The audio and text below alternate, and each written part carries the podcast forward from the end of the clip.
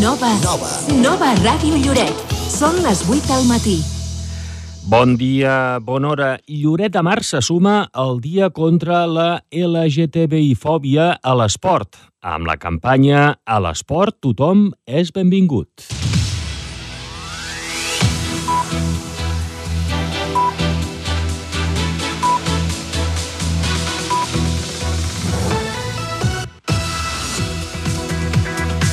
La presentació d'aquesta campanya s'ha fet aquest dilluns amb la presència de Melanie Serrano, exjugadora del Barça de futbol.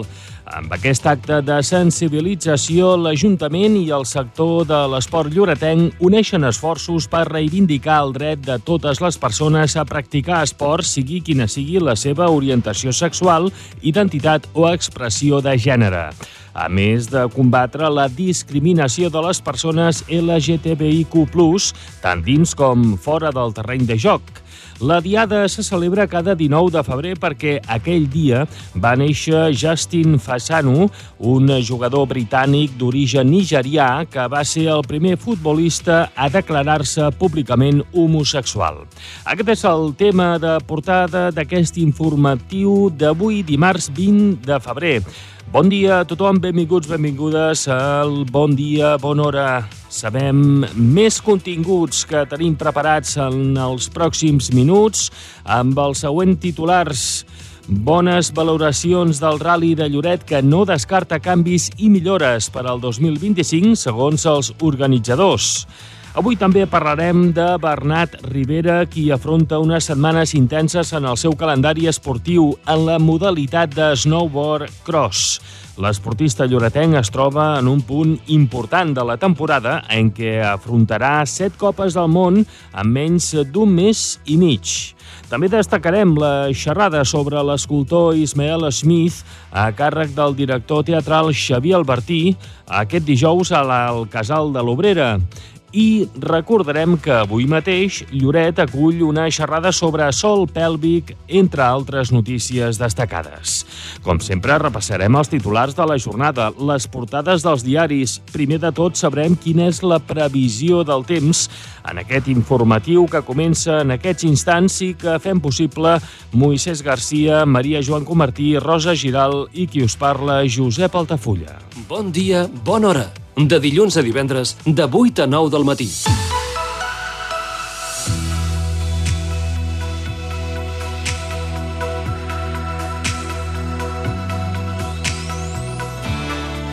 Com diem, primer de tot, la previsió meteorològica, el temps per a les pròximes hores amb el nostre company Xavier Segura. Bon dia. Bon dia. El temps es mantindrà molt tranquil aquest dimarts aquí a la zona de Lloret, amb sol combinat amb algunes bandes de núvols alts i prims que poden enterbolir puntualment el cel sense més conseqüències. Serà una jornada de nou aprofitable sense precipitacions i amb unes temperatures que es mantindran, si fa no fa, semblants. Per tant, poc fred a primeres hores i un migdia de nou suau, primaveral amb màxima al voltant dels 18 graus. Això sí, bufarà de forma intermitent en algun moment del dia la tramuntana sense estralls. Les ratxes més fortes s'esperen al nord de l'Empordà, però sí que aquest vent pot alterar la situació marítima, no només aquí, sinó que tota la Costa Brava, i aquest vent sí que anirà a la baixa de cara a últimes hores. Demà, dimecres, esperem pocs canvis, potser amb més intervals de núvols, però ambient suau, Dijous, les ventades aniran a més i tindrem un pic de temperatures, pic càlid, però atenció que a partir de divendres arriba un canvi important, una glopada d'aire d'origen del nord atlàntic i, per tant, tindrem una clara baixada de les temperatures, ambient hivernal ja més normalitzat, sobretot al cap de setmana, i tampoc es pot descartar algun ruixat, sobretot divendres, potser alguna tronada a la zona de l'Empordà, que pugui afectar eh, tota aquesta àrea de Girona, però sense més conseqüències. No es veuen pluges generals a la vista. Gràcies, eh, Xavi Segura, per aquesta informació, aquesta previsió meteorològica, que la complementem amb la temperatura que registrem ara mateix a l'exterior dels nostres estudis, al carrer Sant Pere, a l'alçada del número 34. La temperatura en aquests moments és de 11 graus amb una humitat relativa a l'aire del 60%.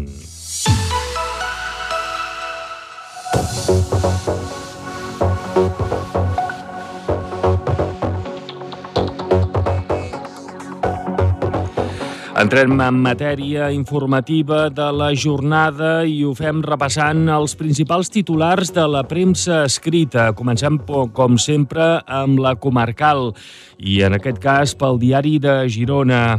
En primera plana i en titulars llegim fins a 4 anys d'espera per entrar en un geriàtric.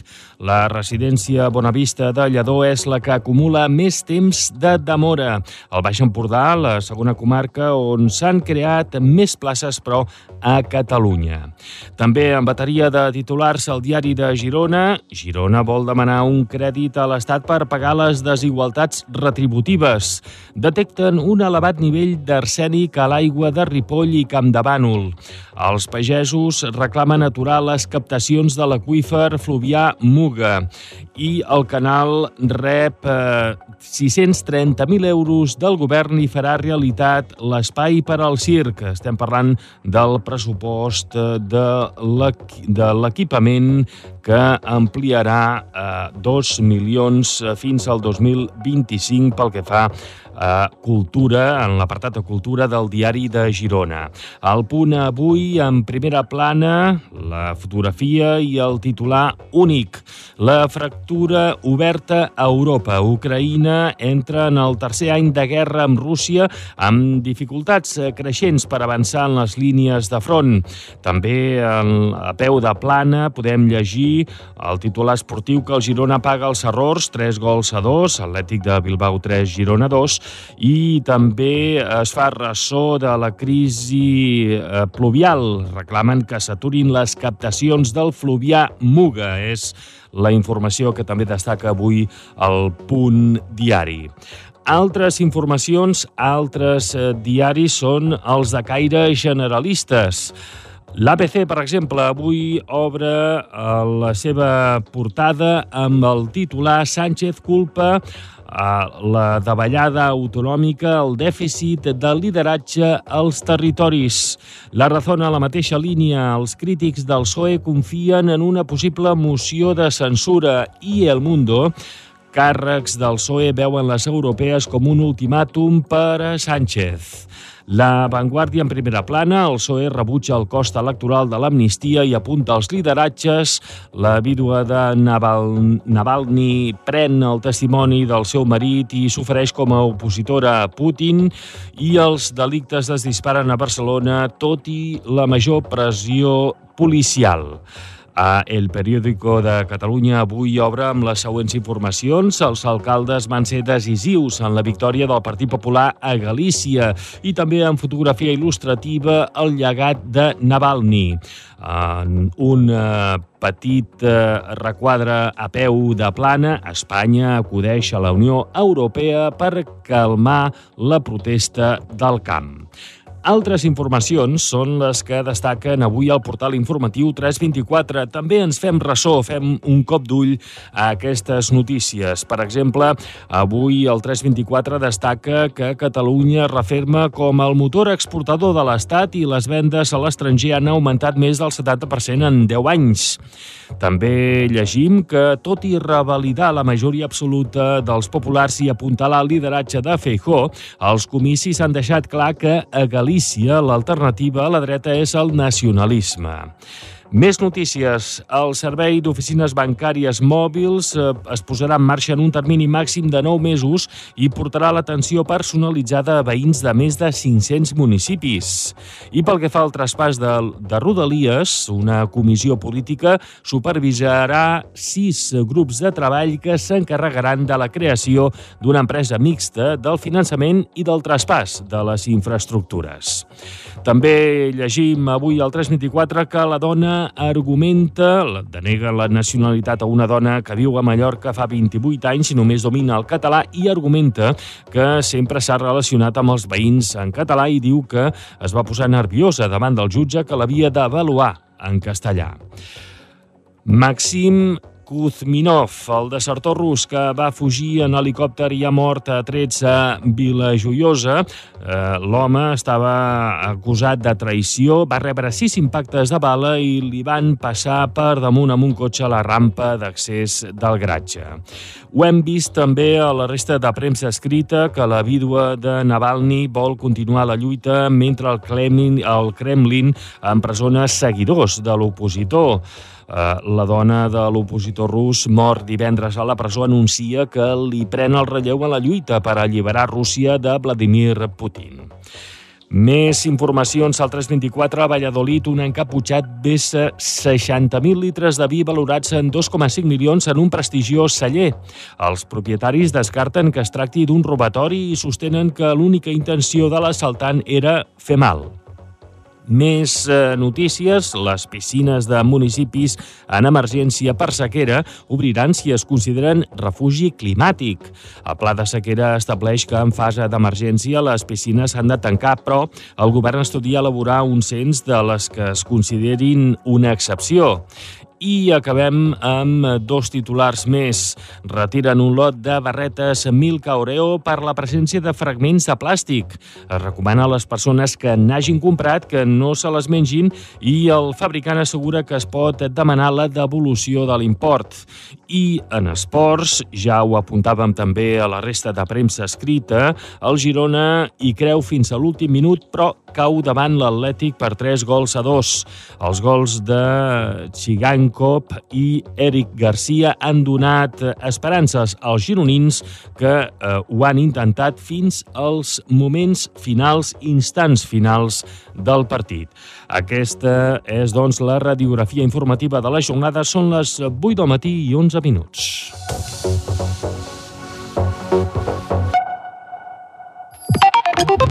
Arriben les rebaixes a la tienda de l'Olim. Renova el teu armari i no et perdis l'oportunitat de lluir espectacular aquesta temporada. Descobreix una àmplia selecció de roba, complements i també talles grans. Ens trobaràs als baixos del centre comercial Caravela. Posa't guapa amb les rebaixes de la tienda de l'Olim. Et sents esgotat física i mentalment? Atrapat en la rutina diària? Vine a Muscle Beach, al teu nou gimnàs. Entrena amb cotxes titulats en espais increïbles i totalment equipats amb més de 700 metres quadrats just a l'entrada de Mar Romeu. Descobreix la nova zona d'entrenament funcional. Apunta't ara i et regalem tot el que queda de febrer i la matrícula gratuïta. No t'ho pots perdre. Vine a Muscle Beach, al teu gimnàs a Lloret de Mar.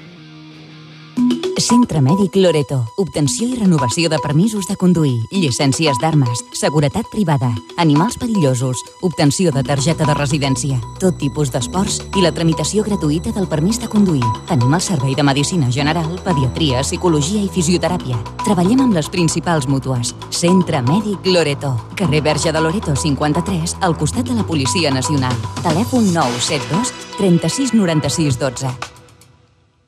A les empreses com a la vida cal posar nom al que fas i sents, perquè darrere de Fitel hi ha 20 anys en el sector de les telecomunicacions, amb més de 10 anys dedicat a ser l'operador internet a Lloret de Mar. I ara seguim avançant perquè més pobles de la comarca tinguin el mateix servei que tu. Perquè darrere de Fitel hi ha persones que fan de la seva feina la seva passió. I tu? Ja ets de Fitel? Fibra òptica i telefonia mòbil a Lloret de Mar sempre a prop teu. Vols millorar la visualització del teu negoci? Cartelleria digital i pantalles LED d'interior i exterior a Víctor So. Instal·lació, manteniment i lloguer.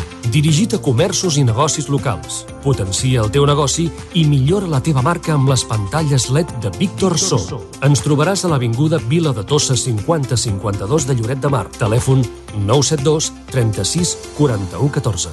L'Ajuntament de Lloret de Mar informa. S'ha convocat un procés selectiu d'urgència per proveir mitjançant comissió de serveis una plaça de tècnic tècnica superior per ocupar el lloc de treball d'enginyer-enginyera superior adscrit a serveis públics. Les instàncies per prendre part en la convocatòria es poden presentar fins al dimecres 21 de febrer de forma electrònica a la seu electrònica de l'Ajuntament, catàleg de tràmits, recursos humans, processos selectius de personal. Les bases amb les condicions que regeixen la convocatòria es poden consultar a la seu electrònica de l'Ajuntament. Has volgut parlar mai amb els polítics que governen a Lloret? Els que manen a l'Ajuntament? Vols saber quina és la seva feina? El seu dia a dia?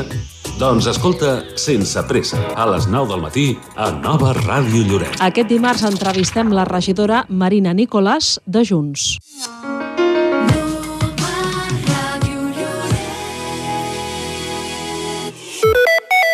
Bon dia, bona hora.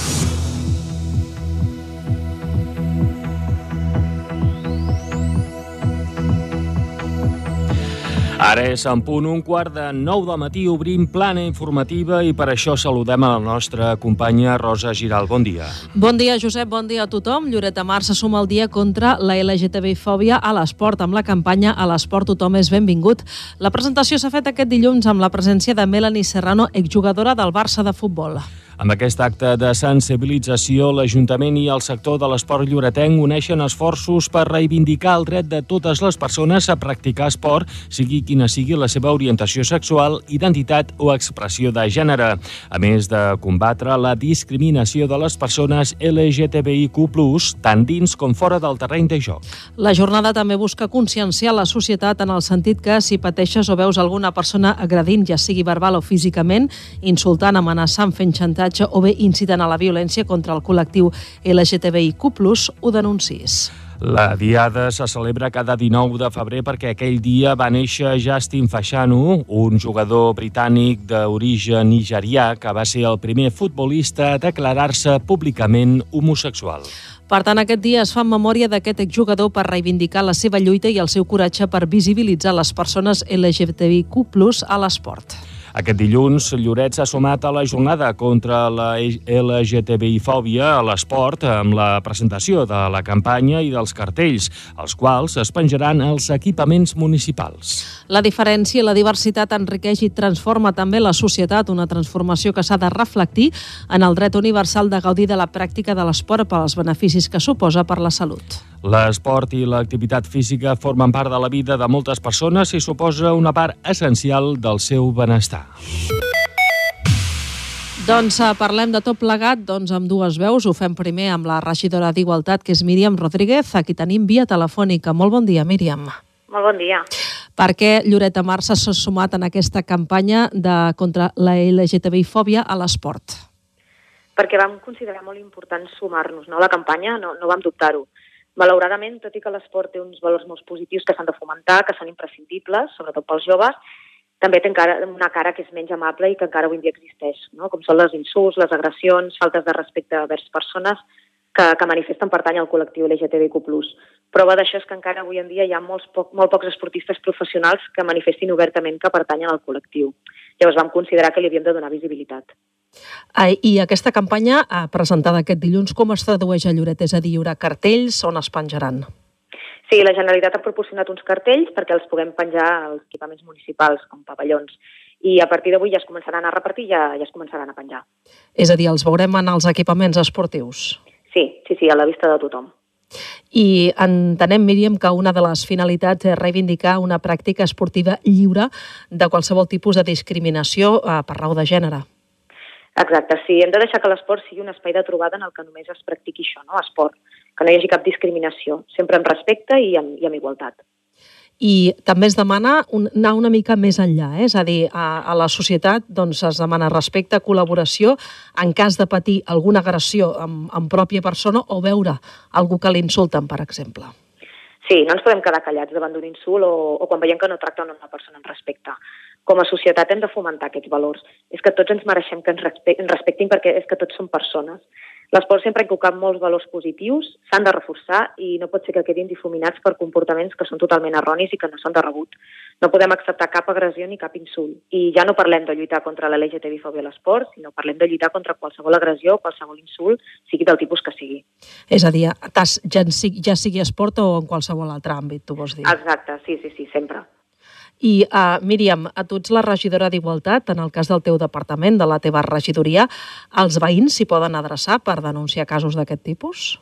I tant, sí, la regidoria d'Igualtat té les portes obertes perquè tothom s'hi pugui adreçar, denunciar i també rebre ajuda.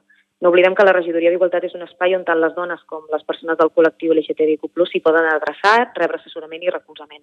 Sempre hi són per ajudar. Doncs recollim aquestes paraules i agraïm aquesta entrevista amb la regidora d'Igualtat, que és Míriam Rodríguez. Míriam, moltes gràcies i molt bon dia. A vosaltres. Aquesta iniciativa, ho hem explicat, és de, doncs, de la regidoria d'Igualtat i també de la regidoria d'Esports. Ara parlarem amb el seu regidor. Recordem doncs, que ha estat aquest dilluns doncs, quan s'ha sumat a Lloret a Mar en aquesta campanya contra la LGTB-fòbia a l'esport, amb la campanya A l'esport tothom és benvingut.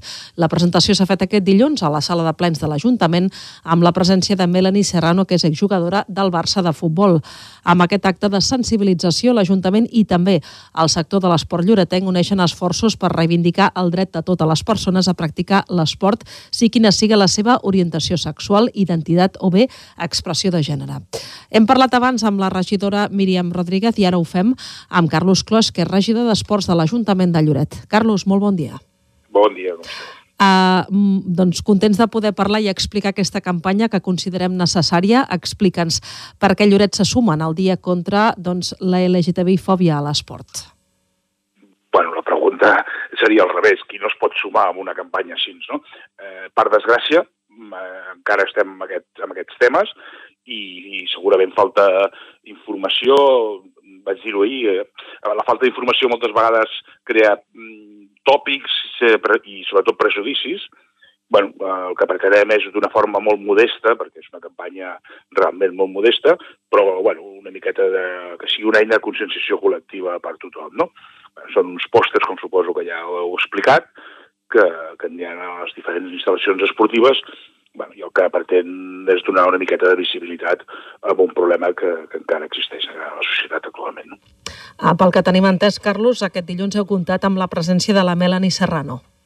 Sí, sí, sí, la veritat és que, que contents no? de, una persona de la, de la rellevància eh, esportiva d'ella s'assumi i vingui a Lloret a donar-nos suport, doncs evidentment contents perquè són gent que, que ajuda no? a donar més visibilitat a, cert, a certs temes. No? Bueno, eh, contents, sí, sí, molt contents.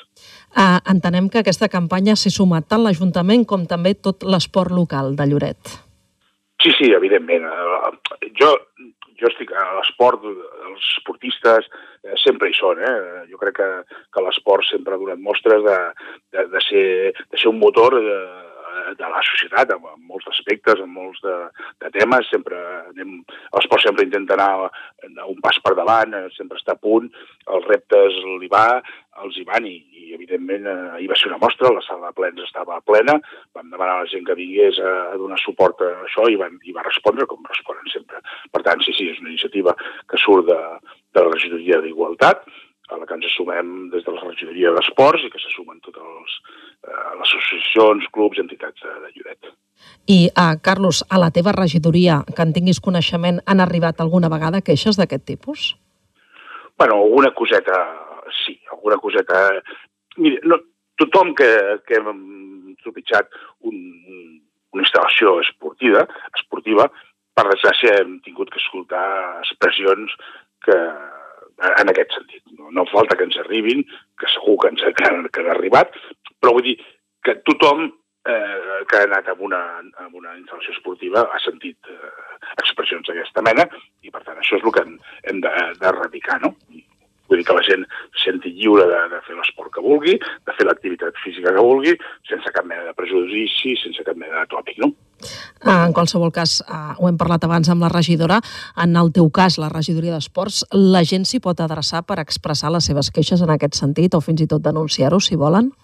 Ui, evidentment, evidentment, nosaltres sempre eh, estem allà per, per, per, per tot, no, no, eh, evidentment que sí, en total llibertat i en total discreció i, total anonimat, vull dir, això és, és més que evident, sí, sí.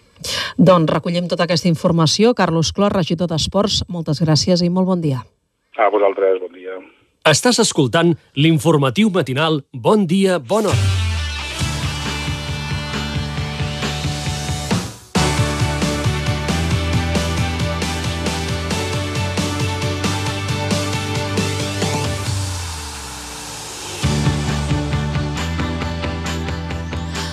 Les 8 i 24 minuts del matí obrim plana esportiva, tot i que no fa ni una setmana que ha acabat l'11è Rally de Lloret, els organitzadors i també l'Ajuntament ja pensen en la dotzena edició.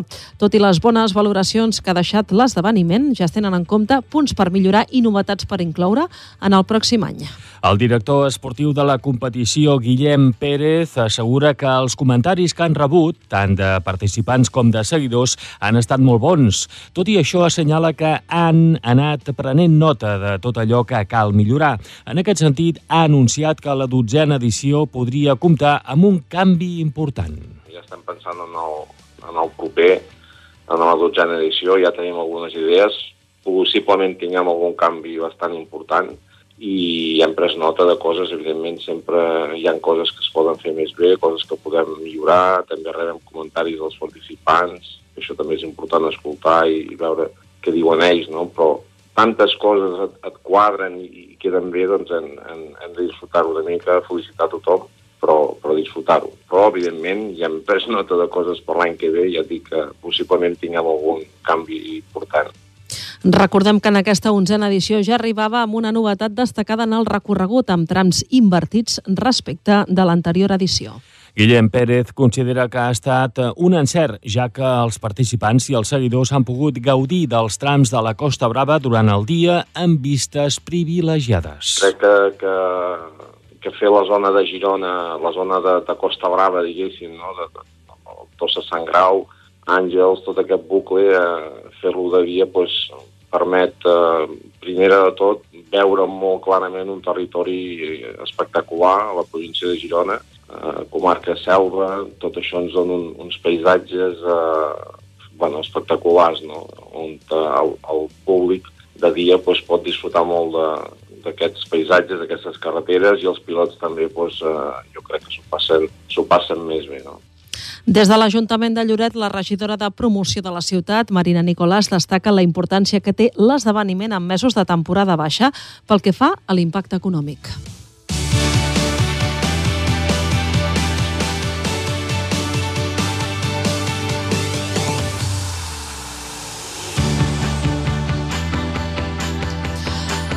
Continuem en plana esportiva. Bernat Rivera afronta unes setmanes intenses en el seu calendari esportiu en la modalitat de snowboard cross.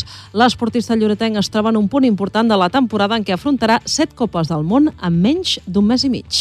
De moment ja n'ha disposat quatre, n'ha disputat quatre repartides entre Itàlia, Suïssa i Geòrgia i ha aconseguit la classificació per a tres finals. A Suïssa la seva actuació va ser especialment destacada en què va obtenir la seva classificació, la millor classificació amb una setzena posició. Ara arriben set copes del món per endavant que es faran a Sierra Nevada la pròxima setmana a Itàlia, Àustria i Canadà. Bernat Rivera explica que l'objectiu és seguir consolidar-se a les finals per poder acabar entre els 32 millors del rànquing olímpic i poder participar així a les Olimpíades que se celebraran en dos anys. La setmana que ve tenim dues copes del món a Sierra Nevada, que sempre és, és supermaco competir a casa amb la teva gent i, sempre hi ha més pressió, però, però bueno, espera sempre fer-ho una mica millor a casa. Uh, I l'objectiu és, és el que porto fent fins ara, consolidar, entrar en finals i en Jocs Olímpics d'aquí dos anys i van els, els 32 millors en rànquing olímpic, així que anem en bona línia, vull consolidar aquests resultats i, i somiant una miqueta més, doncs aviam si puc passar alguna ronda i estar una mica més endavant del rànquing. A banda de les Copes del Món, abans de la Setmana Santa també disputarà el Campionat de Catalunya. Uh, per tant, hi haurà una gran uh, concentració de competicions en poc temps, tot i el caos que presenta el calendari assegura que s'hi adaptaran bé. Això sí, reconeix que serà un mes molt dur. Amb aquestes cinc setmanes tenim set copes del món i amb el que portem des de novembre fins ara n'hem fet cinc. Vull dir, l'organització d'aquest any ha sigut bastant caòtica, és el que té aquest esport, i més amb la situació que tenim de neu actualment, que, que de fet encara no està confirmat 100% segur que es faci aquesta setmana la, la competició, però bueno, no esport és així, uh, vivim molt en el dia a dia, de cop i volta ens fan canvis de calendaris que, que ens diuen que d'aquí tres dies marxem dues setmanes i, bueno, aprens a conviure amb això i, i amb, amb la sort de poder tenir competicions. Serà un mes molt dur, però espero que, que vagi molt bé. Bernat Rivera s'entrena al CAR de Sant Cugat, on du a terme tota la preparació física, manteniment i recuperació. A més, també compta amb els serveis de, de psicòleg esportiu i nutricionista. Catalunya està en emergència per sequera. La Generalitat destina més de 2.400 milions a augmentar la disponibilitat d'aigua i a garantir-ne l'eficiència. Ara, més de la meitat de l'aigua que fem servir cada dia no ve de la pluja. És regenerada o desalinitzada. Més informació sobre les restriccions a Lloret de Mar al web lloret.cat barra sequera. Dos quarts de nou en punt del matí.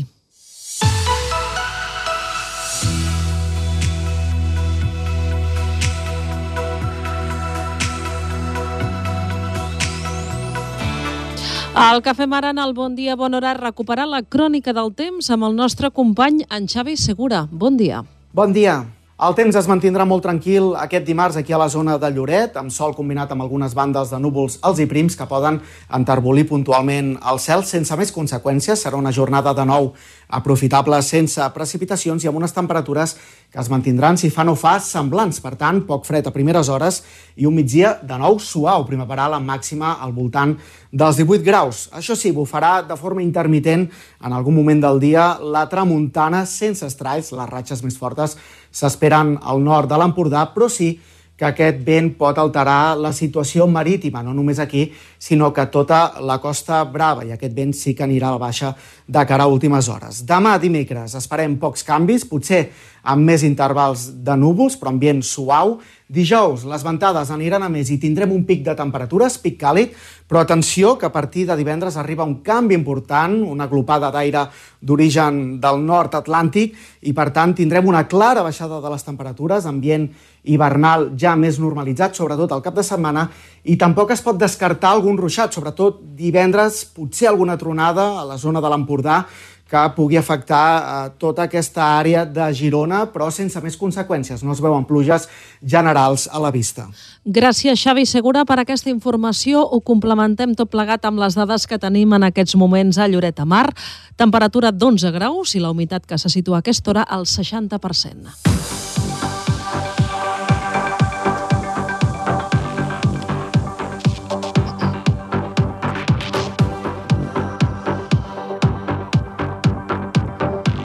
Les 8 i 33 minuts del matí, moment de repassar portades de diaris d'aquest dimarts, dia 20 de febrer. Comencem amb el punt avui en portada en què llegim la fractura oberta a Europa. Ucraïna entra en el tercer any de guerra amb Rússia amb dificultats creixents per avançar en les línies de front. També llegim eh, més titulars. El Girona paga els errors amb un marcador final de 3 a 2 pel que fa al futbol. 3 a 2 volem dir. Bada al darrere i no en fa prou amb la reacció final al camp de l'Atlètic. D'altra banda, reclamen que s'aturin s'aturin les captacions del fluvià Muga. Els pagesos temen que amb l'extracció massiva d'aigua se salinitzin els pous de la zona. I també llegim en aquesta portada del punt avui prohibeixen l'aigua de l'aixeta a Ripoll i Camp de Bànol per accés d'arsènic. Mirem ara una altra portada, és la del diari de Girona, on llegim fins a 4 anys d'espera per entrar en un geriàtric. La residència Bonavista de Lledó és la que acumula més temps de demora. Al Baix Empordà, la segona comarca on s'han creat més places a Catalunya. També es fa ressò del resultat resultat del Girona d'ahir contra l'Atlètic, aquest 3 a 2, en què Girona va perdre amb errors fatals. És el titular que li dona el diari de Girona, que diu les vedades defensives condemnen un Girona que reacciona a un 3 a 1 i és a punt d'endur-se l'empat. D'altra banda, el tema del dia, segons el diari de Girona, és que els pagesos reclamen aturar les captacions de l'aqüífer fluvià Muga. Temen la salinització dels pous i denuncien que es vol salvar el turisme destruint el territori. El govern obre la porta a omplir piscines municipals si actuen com a refugi climàtic. D'altra banda, les exportacions gironines baten un nou rècord. Les oficines bancàries mòbils eh, per CaixaBank i Caixa Enginyers. Girona vol demanar un crèdit a l'Estat per pagar les desigualtats retributives. Els treballadors no cobraran fins al 2025 amb aquesta línia d'ajut. D'altra banda, Diari de Girona també destaca en portada que detecten un elevat nivell d'arsènic a l'aigua de Ripoll i Camp de Bànol, que denuncien altre cop una granja de porcs a Riudellots per purins mal abocats advocats que jutgen un home que va intentar-ne matar un altre amb un matxet a Blanes el 2022 i també que el canal rep 630.000 euros del govern i que farà realitat l'espai per al circ. El pressupost de l'equipament arribarà als 2 milions fins al 2025. Més notícies en forma de titulars a la resta de premsa escrita. De caire generalista, l'ABC avui obre amb la amb la informació que Sánchez culpa el desgavell autonòmic al dèficit de lideratge en els territoris. Llegim a La Razón que els crítics del PSOE confien en una possible moció de censura. El Mundo, en primera plana, càrrecs del PSOE veuen les europees com un ultimàtum per a Sánchez. La Vanguardia, el PSOE rebutja el cost electoral de l'amnistia i apunta als lideratges.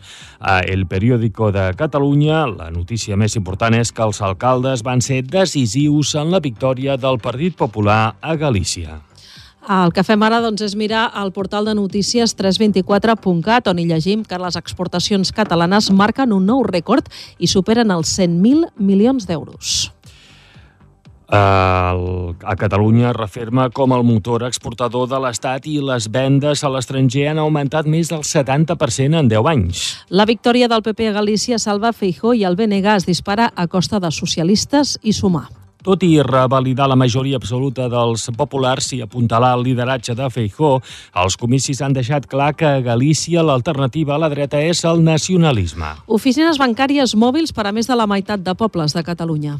El servei es posarà en marxa en un termini màxim de 9 mesos i portarà l'atenció personalitzada a veïns de més de 500 municipis. Parlem de traspàs de Rodalies 6 mesos per definir com serà l'empresa que substituirà Renfe. Una comissió política supervisarà sis grups de treball que s'encarregaran de la creació d'una empresa mixta, del finançament i del traspàs d'infraestructures. Deneguen la nacionalitat a una dona que viu a Mallorca fa 28 anys i que només domina el català.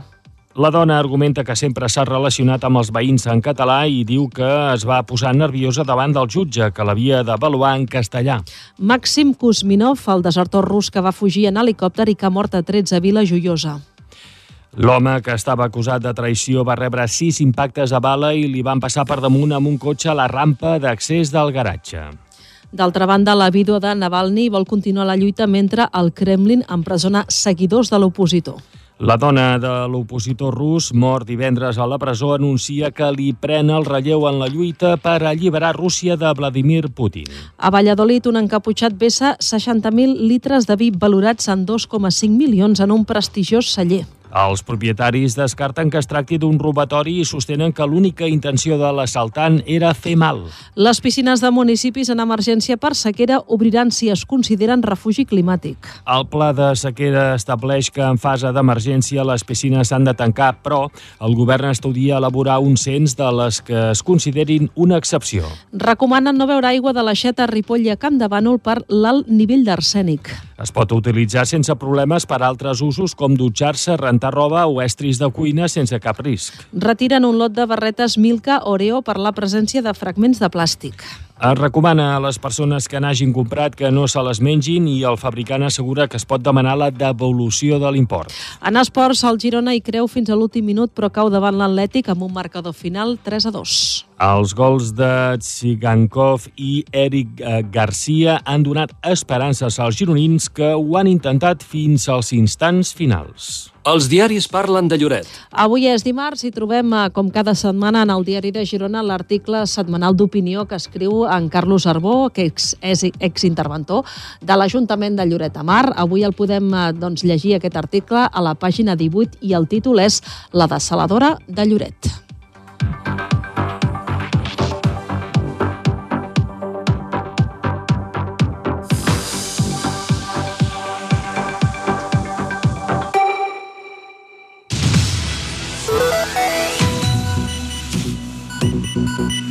Bon dia, bona hora. De dilluns a divendres, de 8 a 9 del matí.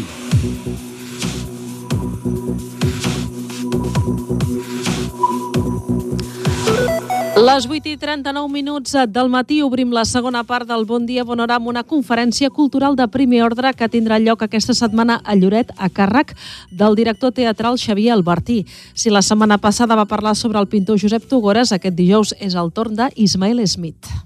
És l'autor d'una de les obres més interessants del cementiri modernista, l'escultura del Panteó de la família Camps i Nonell. Pren la figura d'una dona amb els braços plegats al damunt del pit, amb els ulls tancats i envoltada d'un roser que adopta la forma de creu. L'escultura de gran bellesa transmet una gran serenor i recrea l'atmosfera d'un somni. Xavier Albertí, ponent de la xerrada, destaca la importància d'Ismael Smith com a escultor. Ismael Schmidt, un dels grans, grans, grans transformadors de l'art català des del modernisme cap al noucentisme, un escultor que té una única escultura pública, està precisament al cementiri de Lloret, en la seva eh, estructura de cementiri modernista, aquesta obra funerària va ser encarregada a l'escultor barceloní Ismael Smith per Anna Nonell i Garriga, vídua d'Esteve Camps. La seva va ser la unió de dos cognoms que farien fortuna a Cuba. Allà, el 1872, es va fundar una de les marques de rom de més prestigi, el rom Matusalem. La història d'aquesta escultura va inspirar l'any passat una visita guiada que va rebre el nom de La núvia del rom.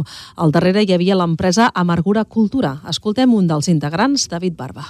L'oportunitat que, que dona el teatre de Lloret de Mar, el teatre Costa Brava Sud, d'aquesta proposta de, de Xavier Albertí eh, en aquest cicle de tres conferències eh, és brillant i l'artista eh, que aquesta setmana doncs, ens acompanyarà eh, serà l'Ismael Smith, un personatge que, que hem tractat darrerament moltíssim a Lloret de Mar, eh, des de Margura Cultura, intentar mm, crear doncs, les, les eines perquè aquest personatge formi part ja eh, de, diguem, de la geografia de, de, de la nostra vila. Eh, és un personatge, més, un artista maleït, però que té, té una capacitat de captivar-nos brutal i que segurament quan vam estudiar-lo per, per traçar una miqueta el, eh, eh, aquesta vinculació amb Lloret de Mar, eh, ens anàvem, doncs, a, evidentment, amb una cronologia que anava a principis del segle XX, però també parlant en general eh, hem de considerar que, que l'Ismael Smith és un, malgrat ser un, un personatge incomprès durant moltes, moltes, moltes dècades, eh, és un referent avui mateix, a dia d'avui, amb la seva estètica i el sentiment queer. No, sens dubte, és, és, és, molt, és, un, és un artista super, super, super eh, actual, i que, a més, eh, molt polifacètic, no? perquè va treballar eh, no només l'escultura, on s'hi sentia molt còmode, no? sinó, molt còmode, sinó el dibuix, la il·lustració, els famosos exlibris, la joieria, el gravat, podríem... Eh, ho va tocar tot i realment és un personatge que, que interessa, on el, és molt interessant que s'hi posi el focus des de Lloret, perquè és una bona manera també d'apropar-lo doncs, en aquesta realitat que descansa doncs, en el cementiri modernista de, de, de, de la nostra vila, amb aquest eh, esplèndid eh, hipogeu Camp Nonell i que tota la investigació que vam fer doncs, amb Algura Cultura, que va acabar amb aquella cirereta aquest passat estiu, que va ser la núvia del Rom, um, aquesta, aquest projecte teatral en el propi cementiri doncs, que volia posar de relleu no només la història d'aquesta família lloretenca que va fundar el Ron Matusalem a Santiago de Cuba, sinó la, la, el personatge, la personalitat d'Ismael Smith. Evidentment, nosaltres tenim eh, la nostra teoria i així ho vam exposar del per què Ismael Smith acaba relacionant-se amb la família Cami Nonell i, evidentment, si no n'he vero ben trobat però realment eh, és, és una bona, una bona, un bon vincle el que crea l'art des de Cuba, des de Barcelona i eh, aquest lligant amb, amb, amb Lloret de Mar. No? Doncs penso que serà una oportunitat genial d'endinsar-nos encara més amb la figura de, de, de Smith. Eh, vam tenir l'oportunitat eh, aquest novembre passat de participar des de Margura Cultura al 50 aniversari de, de Smith al Museu d'Art de Cerdanyola, tot el suport del seu director, el Xema Romero, doncs vam, vam ser-hi i per tant eh, és realment un, un plaer poder continuar amb aquesta biografia doncs, amb una persona com en Xavier Albertí, un, un intel·lectual, un, un pou de saviesa, realment un, un, un geni, doncs, que ens aproparà a qui era Smith des de, des de la seva corrent artística fins a aquelles particularitats que, que segurament eh, podrem gaudir doncs, aquesta setmana al, al Casal de l'Obrera. La xerrada sobre Ismael Smith a càrrec de Xavier Albertí és aquest dijous 22 de febrer a les 7 de la tarda al Casal de l'Obrera. La setmana que ve serà el torn de la conferència sobre Nicolau Rubió Tudurí. Bon dia, bona hora. De dilluns a divendres, de 8 a 9 del matí. Tres quarts de nou del matí, canviem de qüestió i recordem que avui hi ha doncs, una xerrada important aquí a Lloret, a la farmàcia Martínez organitza, com diem, aquest dimarts, una xerrada gratuïta sobre sol pèlvic que comptarà també amb un taller per fer un tast d'hipopressius. L'activitat va a càrrec de la fisioterapeuta i osteòpata Elia Navarro del Centre Fulcre. La farmacèutica Mireia Martínez explica que cal parlar de la problemàtica que hi ha entorn al sol pèlvic perquè encara és un tema tabú que afecta a moltes persones. Ens hem donat compte de que tot aquest tema és com molt tabú encara i no es coneix gaire i a través de doncs, el contacte que tenim amb l'Èlia, que treballem juntes i col·laborem molt, molt activament, doncs és un, un bon punt per donar a conèixer aquest tipus d'exercicis que estan adaptats a qualsevol edat i a qualsevol causística i que ajuden moltíssim en el tema de, de la pèrdua d'orina i el despenjament del son pèlvic, que és inevitable el fet, perquè és una, una causa d'envelliment, no? En aquest sentit, la xerrada s'adreça a tothom, tant homes com dones i de totes les edats. Des de deportistes que corren, a mames que acaben de tenir un bebè, a qualsevol persona li pot passar. Vull dir, eh, sí que eh, conforme van avançant en l'edat, el tema de, de, de, de la pèrdua de, de, de força en la musculatura i tal és, és més comú, però li pot passar en una noia de 18 anys que faci running, per exemple. És molt típic. A banda de les explicacions pertinents, la ponent mostrarà què són els hipoprosius i com es poden fer en gairebé qualsevol moment del dia. El que volem donar a veure és que un hipopressiu el pots fer tu sentat al sofà o la pots fer tu de peu cuinant a la cuina. Vull dir, no és un exercici que et penses, quan diuen hipopressiu a vegades la gent diu ui, però això què és, tipus crossfit? Dius, no, no, això és, perquè us feu una idea, és respirar i tirar la panxa dintre. Vull dir, és que és molt fàcil. I llavors eh, és venir amb el que porteu normal, sense cap tipus de preparació ni roba especial. I és una mica perquè la gent se'n doni compte de que és un exercici que es pot fer en quasi qualsevol moment. El que diem és que, que la xerrada és aquest dimarts a partir de les 3 de la tarda a la farmàcia Martínez. Bon dia, bona hora. De dilluns a divendres, de 8 a 9 del matí. Recordem notícies destacades doncs, que hem anat sabent en els darrers dies. Aquesta setmana s'ha obert la convocatòria d'uns premis que són nous i porten el nom de la Carme Ramírez, la primera dona sergent de la policia de Lloret, el qual va ser un exemple a diferents àmbits, entre els quals la igualtat de gènere. Per aquest motiu, els guardons s'adrecen als joves per tal que presentin alguna obra, tant si és d'arts plàstiques com un relat que lluiti contra la desigualtat entre homes i dones.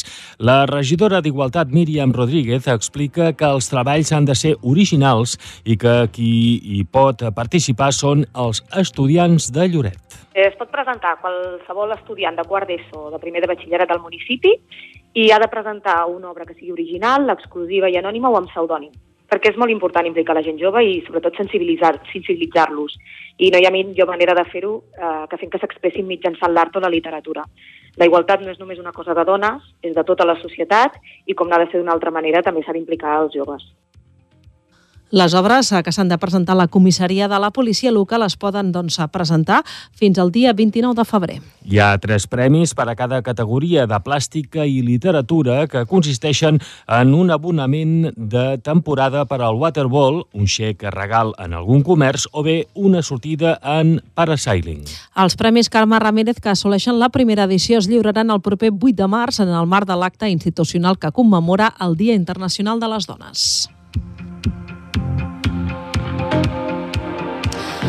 D'altra banda, l'Ajuntament treballa de la mà dels hotelers de Lloret per comprar una desaladora portàtil al municipi que permetrà omplir amb aigua de mar les piscines tant d'hotels com qualsevol tipus d'allotjament, així com de particulars i comunitat de veïns.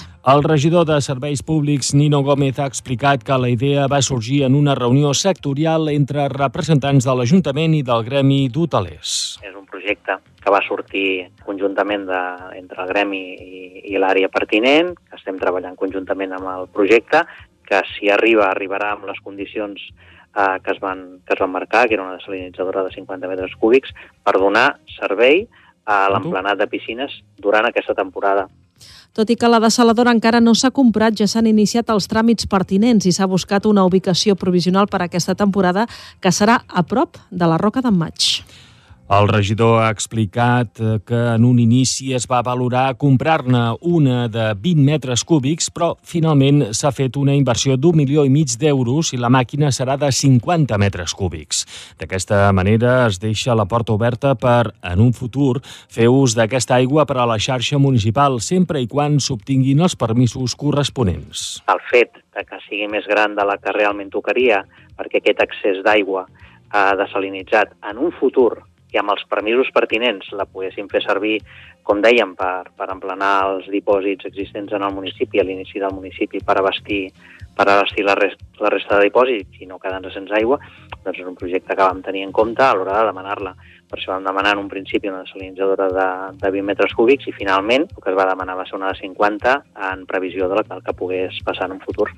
Els particulars que vulguin omplir les seves piscines amb aigua de mar també podran fer-ho. Abans, però, és important que es desconnecti totalment la seva piscina de la xarxa municipal de Clavegaram i que ho comuniquin a l'Ajuntament.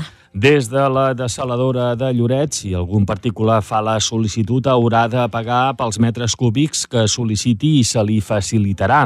De totes maneres, el regidor demana que només s'omplin o es reomplin les piscines en cas de necessitat. Nosaltres no direm que no a, a qui necessiti aigua per emplenar la seva piscina per un cas de necessitat. El que sí recomanarem i demanarem és que qui pugui no fer-la servir, doncs que no la faci servir. Ara bé, qui per condicions d'obres, de filtratge de necessitat, doncs necessiti, doncs sí que, que la podrà demanar i sense cap, cap, cap mena de problema se li, se li farà el, se li farà el subministre. Tant el Gremi d'Hotelers com l'Ajuntament de Lloret esperen poder tenir la desaladora al municipi ben aviat. I d'altra banda, els veïns poden doncs, sol·licitar aigua regenerada a l'Ajuntament per regar per supervivència a l'arbrat. El regidor de Serveis Públics, Nino Gómez, explica que per obtenir-ne cal fer la sol·licitud al Consorci d'Aigües i a l'Ajuntament i pagar-ne únicament el transport. El cost de l'aigua regenerada, la compra és gratuïta, només s'ha de fer el pagament del transport.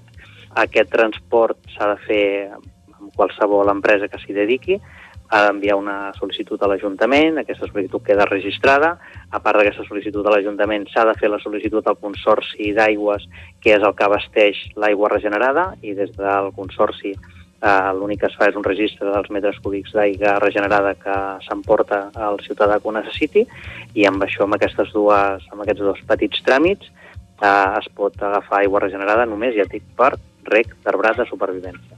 Això sí, el regidor matisa que no es pot fer servir aquesta aigua per regar jardins particulars. El que no podem és agafar aigua regenerada, o el que no ens permet a la Generalitat amb les restriccions de, de l'àmbit de sequera és que puguis agafar aigua regenerada doncs, per regar un jardí o perquè tinguis un tram, un espai petit d'un jardí privat eh, petitó i vulguis regar-lo. No, l'aigua regenerada no està per això. L'aigua regenerada avui està per regar eh, aquell arbre que per supervivència del propi arbrat eh, necessiti aigua.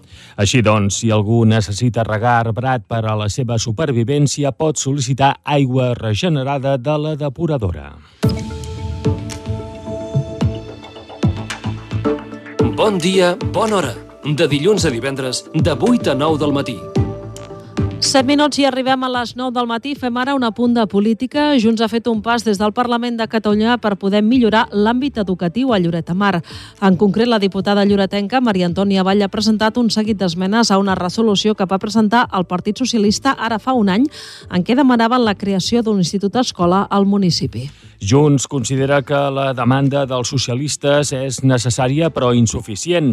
En aquest sentit, també volen, per exemple, que es garanteixin dues línies d'I3 i eh, s'ofereixi una línia conjunta d'I4 i 5 a la nova escola, que recordem que es dirà Joan Domènech que l'actual escola, doncs, eh, Joan Domènech, aquest setembre, que ja es havia compromès al departament, que seria amb dues línies de I3, que se'n pogués fer una de conjunta amb I4 i I5, doncs, per donar aquesta possibilitat doncs, d'anar-nos d'altres escoles o que això generaria, si no hi fos aquesta línia, que potser hagués, ja hi tinguéssim més bons cara l'any que ve, doncs esponjar una mica la situació i que en aquesta escola ja hi podem tenir aquesta altra segona línia.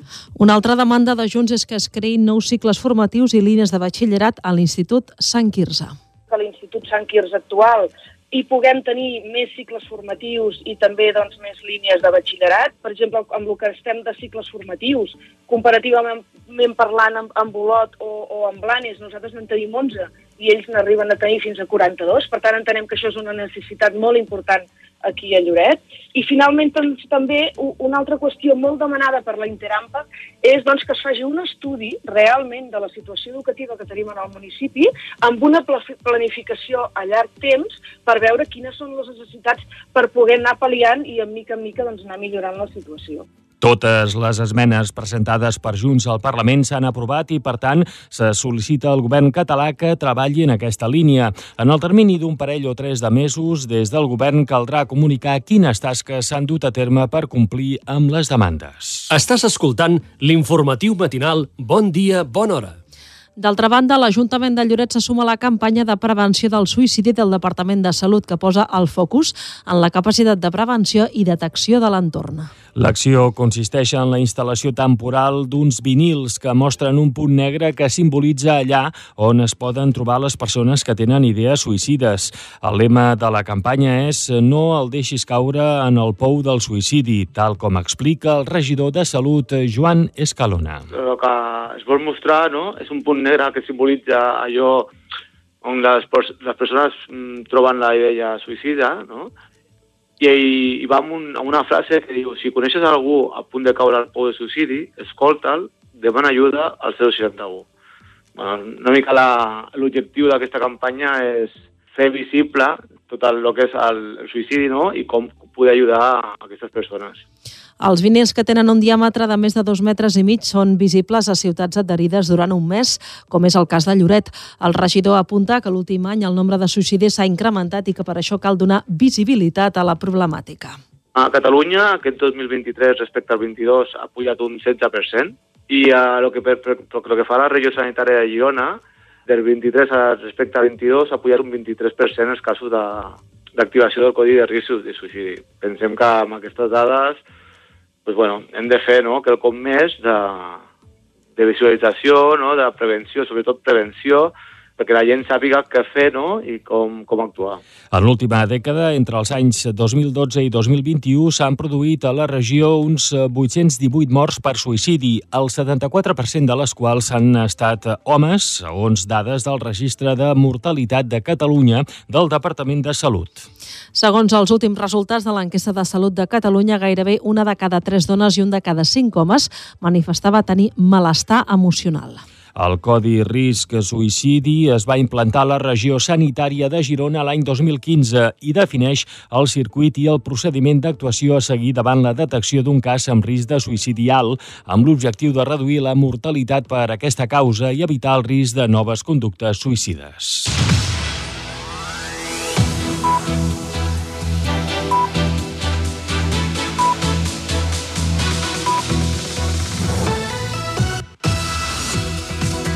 Dos minuts i arribarem a les 9 del matí. Abans d'acabar doncs, aquest resum, volem recordar que diumenge arriba la plec dels perdons. El més destacat és que es farà oficial el relleu de les quatre obreres que aquest 2024 són Cristina David, Judit Calatrava, Marc Carbó i Mireia Ramon. A més, aquest any toca fer relleu de dos dels obrers que encapçalen l'obreria de Santa Cristina. Uh, pel que fa al relleu d'aquests obrers, uh, però aquest diumenge només es farà oficial el càrrec de tresorer que passa de Romà Codina a Jordi uh, Ribas. L'altre obrer a qui li toca relleu és és la secretària Cristina Pinto, que es va presentar a la reelecció però que no ha pogut obtenir el suport necessari. D'altra banda, doncs, també doncs, hem parlat de diferents qüestions a l'informatiu d'aquí de la ràdio, com per exemple que Lloret de Mar s'ha sumat aquest dilluns a la campanya contra la LGTBI-fòbia a l'esport amb el, amb el lema o amb el títol A l'esport tothom és benvingut. La presentació s'ha fet aquest dilluns amb la presència de Melanie Serrano, que és exjugadora del Barça de futbol. Amb aquest acte de sensibilització, l'Ajuntament i tot el sector de l'esport de Lloret uneixen esforços per reivindicar el dret a totes les persones a practicar esport, sigui quina sigui la seva orientació sexual, identitat o bé expressió de gènere, a més de combatre la discriminació de les persones LGTBIQ+, tant dins com fora del terreny de joc. La jornada també busca conscienciar la societat en el sentit que si algú pateix o veu alguna persona agredint, sigui verbal o físicament, insultant, amenaçant o fent xantatge o incitant a violència, doncs el col·lectiu que doncs ho denunciï. Fins aquí el resum del Bon Dia Bona Hora d'aquest dimarts, dia 20 de febrer. Acabem aquí l'informatiu i ara, a partir de les 9, us deixem amb el programa d'entrevistes sense pressa, en aquest cas amb la regidora Marina Nicolàs de Junts. Bon dia, bona hora. De dilluns a divendres, de 8 a 9 del matí.